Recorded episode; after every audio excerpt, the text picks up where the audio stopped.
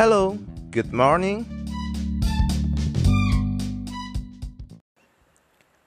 Halo, balik lagi sama gue Christian dan hari ini gue mau bawa bahas tentang satu kata yang mungkin sebuah setiap kita sudah familiar dengan kata yang namanya privilege.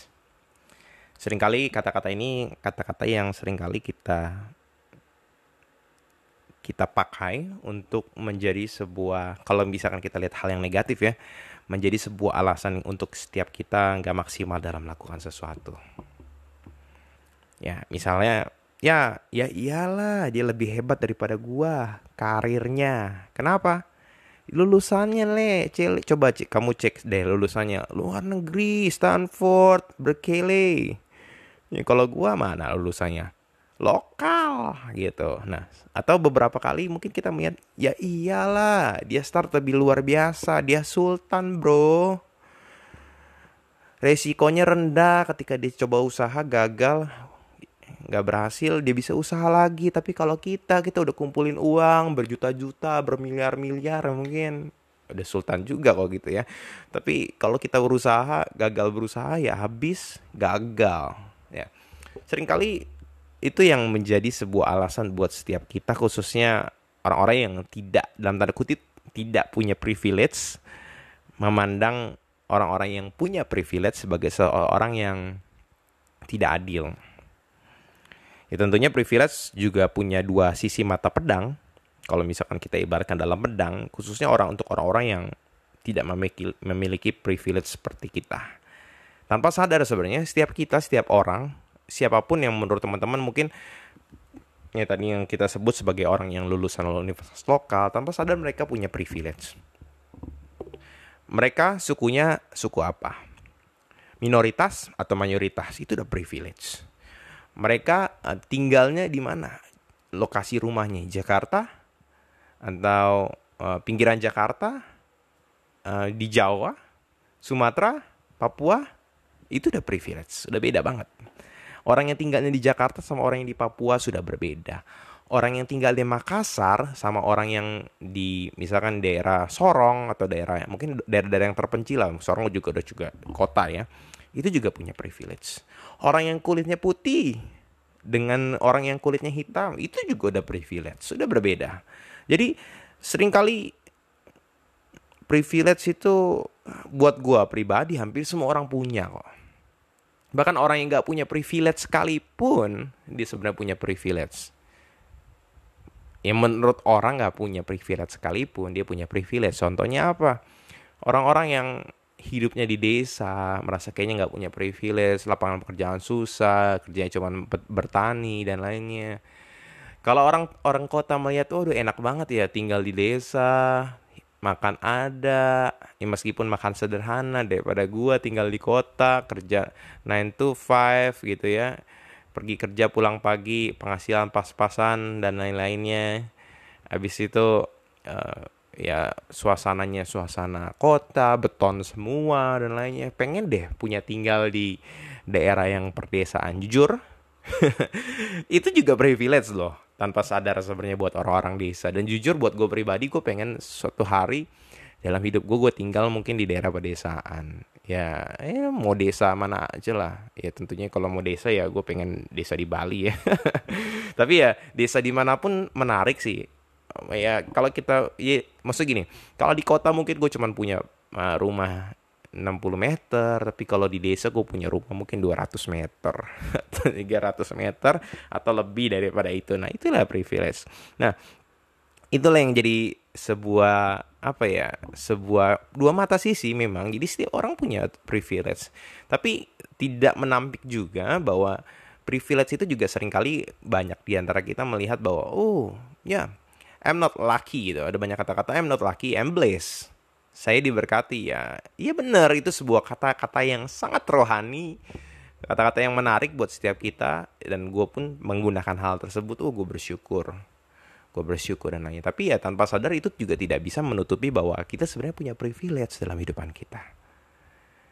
Ya memang rohani tapi kita punya privilege. Bayangin deh, kita punya privilege, kita masih bisa sekolah di sekolah universitas yang kalau kita sebut namanya, meskipun universitas lokal, 100 orang di Indonesia bisa bisa tahu minimal 90 orang tahu itu universitasnya ada di mana. Meskipun tepatnya nggak bisa tentukan di mana jalannya dan lain tapi tahu misalkan itu di Jakarta, misalkan itu di Bandung, misalkan itu di Yogyakarta dan lainnya. Jadi tanpa sadar sebenarnya kita punya privilege hal yang luar biasa. Dan itu tidak membatasi kita bahwa sebenarnya kita punya privilege, kita punya sesuatu yang lebih dibandingkan orang-orang yang lain yang mungkin tidak punya kesempatan untuk bisa berkuliah. Karena mungkin ya udah, kayaknya mama papa kayaknya nggak bisa biayain kamu kuliah, kamu bekerja ya setelah lulus SMA, atau mungkin kamu masuk SMK aja supaya nanti dapat kerja dan lainnya. Nah, itulah yang menjadi pernyataan dan pernyataan bahwa setiap orang punya privilege. Kalau mungkin kalau kata teman gue, um, privilege itu ada sebuah kata-kata yang dalam bahasa yang lebih sainsnya adalah unfair, uh, unfair advantage. Lu punya unfair advantage atau keunggulan yang tidak adil. Ya, dengan salah satu contohnya adalah misalkan kita sebut aja Gojek Group. Secara nggak langsung dia punya ekosistem yang secara luar biasa. Jadi kalau siapa pun yang mau bersaing dengan Gojek, akan menjadi sebuah hal yang sulit. Kenapa? Mereka punya ekosistem yang luar biasa, mereka punya armada yang sudah sangat luar biasa, mereka punya um, ekosistem ya pembayaran, apa segala macam pembiayaan, uh, armada, aplikasi, teknologi tercanggih dan lain semua mereka punya dukungan pemerintah, mereka punya. Kenapa? Karena mereka salah satu yang Indonesia, yang pertama di Indonesia. Ya itu privilege juga. Tapi ya tapi sering kali orang nggak juga nggak sadar bahwa di dalam privilege tersebut sering kali juga memang ada proses-proses yang dimiliki atau diproses dalam sebelum sebelumnya. Gojek sudah berdiri cukup lama sebenarnya, tapi lima tahun awal mereka nggak kedengeran dan mereka berjuang di situ. Meskipun ya kita tahu, mungkin be beberapa ada yang banyak banyak tahu katanya, oh, apa mana mungkin, eh, maksudnya kamu melihat misalkan contohnya mau di Ayunda bisa lolos uh, bisa milih sekolah mau di aku lupa deh apa di Stanford atau di Harvard dan atau uh, Nadiem Makarim bisa bisa sukses dan lainnya. Kamu nggak melihat sebelumnya. Nadiem Makarim itu anaknya Anwar Makarim. Anwar Makarim adalah seorang advokat terkenal dan advokat terkenal dari Indonesia yang ber, ber punya kantor di Australia Bahkan Anwar Makarim adalah advokat terkenal di Australia dalam hal ini sampai saat ini. Bahkan yang kita tahu yang terkenal advokat di Indonesia Hotman Paris itu pernah kerja di Anwar Makarim. So buat uh, seorang Nadiem Makarim sudah punya koneksi yang cukup luar biasa. Bisa sekolah di mana, sekolah di uh, Harvard dan lainnya itu semua karena ya he, he is he is the privileged one atau kita sebut oh, mau di Ayunda.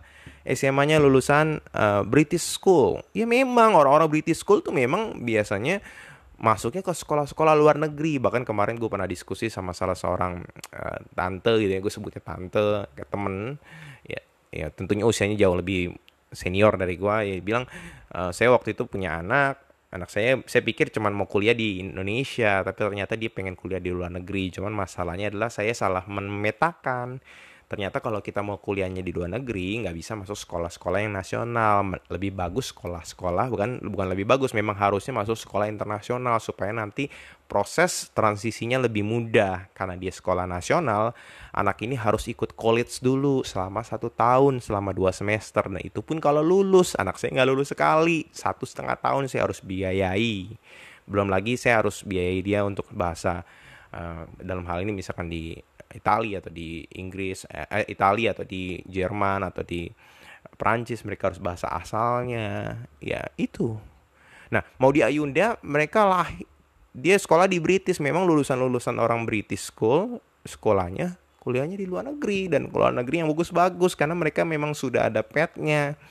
Jadi bukan mereka hebat tapi mereka privilege sesuatu yang tidak mungkin kamu dapatkan. Nah, sering kali itu yang menjadi sebuah pertentangan dalam batin ya. Seringkali privilege itu kita nggak bisa dapetin. Tapi balik lagi deh kalau kita lihat, privilege itu punya dua mata uh, dua mata pedang. Tanpa sadar ketika orang itu berusaha keras, ya memang uh, dalam dalam ketika berusaha keras tanpa sadar mereka akan punya privilege privilege khusus yang tidak dipunyai oleh orang lain dan memang itu sebuah hal yang nyata. Tapi kalau dalam hal ini kalau kita bicara tentang privilege dalam keluarga, kita punya dalam sekolah uh, dalam dalam keluarga yang kelas ekonominya kelas menengah ke atas dan kelas menengah bawah tentunya kita tidak bisa memilih tapi nggak bukan berarti tidak bisa untuk mencapai start yang sama. Jujur saya selalu ngomong ke setiap setiap orang bahwa memang jujur berbeda orang-orang yang levelnya sultan dengan orang-orang yang levelnya rakyat levelnya rakyat mereka harus berjuang keras 10 kali 20 kali lebih keras mungkin dibandingkan orang-orang yang levelnya sultan. Mungkin mereka berusaha satu dua tiga kali atau lima kali berhasil dibandingkan orang-orang yang rakyat jelata. Tapi nggak juga sebenarnya dalam proses hidup sebenarnya itulah yang harus kita perkembangkan networking kita, aset kita, investasi kita, ilmu pengetahuan kita itu yang harus kita compounding, kita harus tambah-tambahkan, yang harus kita perbanyak supaya kita bisa capai apa yang namanya privilege tersebut. Nah, Seringkali dan seharusnya buat setiap kita yang punya kata-kata yang sudah dilabeli sebagai orang yang privilege, kita harus punya kata-kata yang namanya bersyukur. Kata-kata yang keluar dari privilege adalah gue bersyukur gue gue privilege karena gue privilege gue bersyukur dengan apa yang gue punya dan gue berusaha excellent. Itu dia. Kalau privilege tanpa dibarengi dua kata tadi bersyukur dan tidak excellence dalam hal ini mungkin tambahan satu kata rendah hati gitu ya akan menjadi sebuah hal yang tidak banyak orang suka. Tapi ketika uh, ketika privilege itu dibarengi dengan kata gratitude atau bersyukur dengan excellent plus rendah hati, wow, humility dalam setiap apa yang dia lakukan, gue percaya semua orang gak akan keberatan dengan privilege-nya dia semua orang akan menghargai memang orang ini memang luar biasa, orang ini memang dahsyat, orang ini memang berjuang dengan luar biasa dan semua orang akan berusaha juga untuk mendapatkan seperti apa yang mungkin nggak mendapatkan seperti apa tapi semua orang akan terus berusaha excellent untuk bisa setidaknya menyamai orang-orang tersebut. Nah beberapa tahun yang lalu saya punya teman-teman orang yang nggak punya privilege dalam hal ini nggak punya uh, keluarganya nggak punya keuangan yang cukup untuk bisa melanjutkan kuliah. Jadi mereka bisa cuma lulus SMA dan uh, jujur orang-orang ini tidak menyerah pada keadaan? Dia tahu bahwa dia bersyukur dia bisa sekolah karena ada banyak orang-orang daerah yang tidak bisa bersekolah mungkin. Ada banyak orang-orang daerah yang dia harus ketika dia bersekolah besok dia harus nyangkul padi harus bertani tapi sedangkan dia tidak melakukan hal tersebut. Jadi apa yang dia lakukan adalah dia berjuang dengan lulus SMA dia bekerja mulai dari bawah mungkin jadi admin atau mengerjakan sesuatu yang lebih yang setidaknya halal yang bisa dia kerjakan dia kumpulkan uang dengan biaya sendiri. Kumpulkan uang berkumpulkan uang mengumpulkan uang tentunya juga nggak nggak mudah karena mulai dari bawah. Mengumpulkan uang sampai satu titik tertentu dia bisa berkuliah. Tentunya nggak kuliah yang bagus kuliah yang sekadar dia bisa kuliah dapatkan yang gelar dan bekerja. Tentunya untuk berkuliah dan bekerja dalam hal ini S1 akan menjadi sebuah hal yang cukup sulit. Karena bekerja ya pergi pagi pulang malam penghasilan pas-pasan dan lainnya pulangnya harus belajar lagi harus berkuliah dan lain-lainnya sesuatu yang sangat sulit dilakukan untuk berbarengan. Bayangin nih, gimana sosialnya dia, pasti dia harus mengorbankan sosialnya dia dengan ketemu dengan teman, bersosialisasi dan lainnya demi untuk menuntut usaha, uh, menuntut bekerja dan berkuliah. Dan saya melihat seberapa keras usaha dan pengorbanan orang-orang yang teman saya ini. Dan yang luar biasa adalah dalam dalam hal yang proses sedemikian rupa dia berhasil lulus mendapatkan pekerjaan setara manajer, bahkan bisa beli rumah dan memberkati keluarganya dengan luar biasa. Dan buat gue itu adalah sebuah pengorbanan yang dia lakukan dan dia tidak menyerah terhadap keadaan, tidak peduli dengan apa yang ada orang sebut privilege dan lainnya, tapi dia percaya bahwa privilege itu harus dicapai. Dan kalau kita lihat saat ini bekerja dengan dengan penghasilan yang cukup baik gitu, cukup baik dan menikmati semua jeripayanya dia dan uh, we give applause to them. Kita beri tepuk tangan buat setiap orang-orang mereka. Mereka nggak peduli dengan apa kata orang, privilege dan lainnya. Mereka nggak mau menolak dengan mencari alasan untuk tidak melakukan sesuatu. Tapi yang dia lakukan adalah tidak tidak tidak menyerah. Dia berkorban, berusaha, bekerja keras, uh, tentunya melakukan segala sesuatu dengan excellent dan dia mendapatkan hasil yang luar biasa.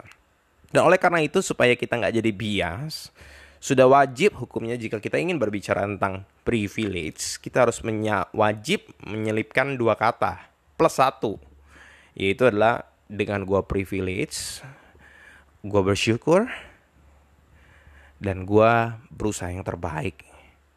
Tentunya nggak akan jadi Nadim Akarim seperti sekarang yang punya uh, jadi CEO dan founder Gojek bisa menjadi menteri pendidikan kalau dia cuman hanya punya privilege tapi dia nggak bersyukur dengan privilege yang dia punya nggak beri excellence nggak belajar banyak hal menjadi orang yang cerdas orang yang pintar dan humility humble-nya itu yang luar biasa. Itu yang sebenarnya yang kita miliki. Yang kita pengen orang-orang privilege itu cap, uh, miliki. Atau mau Mayudi Ayunda dengan kemampuan bernyanyi dengan kemampuan intelijen pemikiran yang cerdas atau mungkin beberapa orang yang lain. Dian Sastro selain dia punya bisa aktris, tapi dia punya pemikiran yang luar biasa, pernah bekerja sebagai consulting, sekarang jadi sutradara. Eh, sutradara atau creative director saya nggak tahu tuh. Ya, tapi poinnya itu bersyukur, excellence dan humble. So sebenarnya yang harus kita punya adalah siapa pun kamu yang saat ini lagi dengar, percayalah kalau mungkin kamu ketemu sama gua gitu ya gua akan bisa sebutin apa yang jadi privilege dalam hidup lo dan jangan pernah berasa bahwa diri lo under privilege no. Mungkin ada beberapa di satu posisi ketika kamu dalam bekerja kamu nggak sekolahnya sekolah internasional kamu nggak terbiasa bahasa Inggris sedangkan orang-orang yang di luar yang lulusan luar mereka sudah biasa traveling ke luar negeri udah terbiasa luar biasa ngomong bahasa Inggris tapi percayalah bahwa kamu punya kelebihan yang luar biasa. Mungkin orang-orang Inggris mereka punya pemikiran-pemikiran dunia multikultur multikultural tapi di kamu kamu punya budaya lokal kamu punya mengerti banyak hal di market yang lebih luar biasa. So itu yang harus kita nah, kita harus punya. Jadi jangan pernah berpikir bahwa unfair advantage itu sebuah hal yang satu-satunya karena itu cuma salah satu dari sebuah poin untuk mendapatkan kesuksesan tersebut untuk mencapai sebuah hal tersebut. Tapi yang harus kita punya adalah yaudah I'm privileged, gue orang yang punya privilege, aku bersyukur, aku berusaha excellence dalam setiap apa yang aku lakukan dan aku humble. Aku percaya bahwa segala sesuatu yang aku punya itu semua daripada Tuhan dan itu tidak apa ya tidak boleh aku bagikan, boleh aku bagikan ke semua orang dengan oleh karena itu aku berbagi, oleh karena itu aku suka mengajar, oleh karena itu ya aku tidak pelit ilmu. Kenapa? I'm I'm privileged. Gue mau berbagi privilege gue kepada orang-orang yang lain. Sama seperti itu juga dengan alasan itu juga kenapa gue buat podcast ini. Karena gue privilege, gue jujur, gue bukan orang ekonomi, I'm uh, orang teknik yang sebenarnya teknik akhirnya melenceng masuk ke ekonomi, dapat privilege belajar di perbankan, dapat privilege belajar di fintech, dapat privilege banyak hal di dalam uh, financial dan kehidupan, bisa menikah cukup muda, bisa membina rumah tangga dengan baik dan lain-lainnya. Ya oleh karena itu gue bisa berbagi buat setiap teman-teman untuk bisa uh, sedik sedikitnya membagikan insight apa yang gue punya kepada setiap teman-teman. Setidaknya teman-teman bisa belajar sesuatu daripada gue. Itu yang kita harus lakukan. So, privilege jangan sampai salah kita melihat sebuah kata privilege ini sebagai alasan untuk kita tidak maksimal. Tapi kita harus tahu bahwa setiap kita, siapa pun di antara kamu yang mendengar saat ini, you are privileged. Kamu itu privilege, kamu itu diberkati, kamu itu blessed, you are blessed by anything. Kita bisa bernafas, bayangin kita privilege loh. Dibandingkan orang-orang yang mungkin nggak punya tubuh yang cuk, uh, tubuh yang normal. Oh ya, satu lagi. Gue suka banget sama seorang uh, namanya Handri Santiago.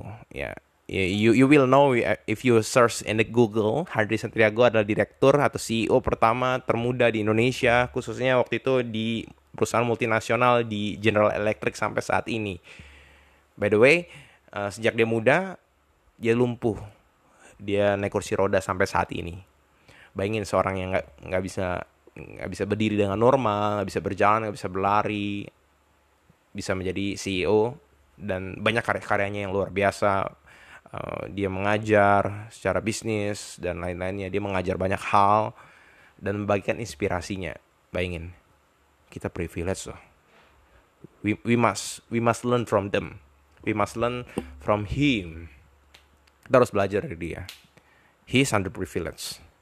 But he prove tapi dia membuktikan bahwa privilege itu bukan sebuah hal yang menjadi sebuah leverage karena banyak hal yang bisa membuat leverage untuk seorang itu bisa daya ungkit untuk mencapai sesuatu apa yang dia impikan. So, itu aja dari gua. Uh, see you and God bless you. Bye bye.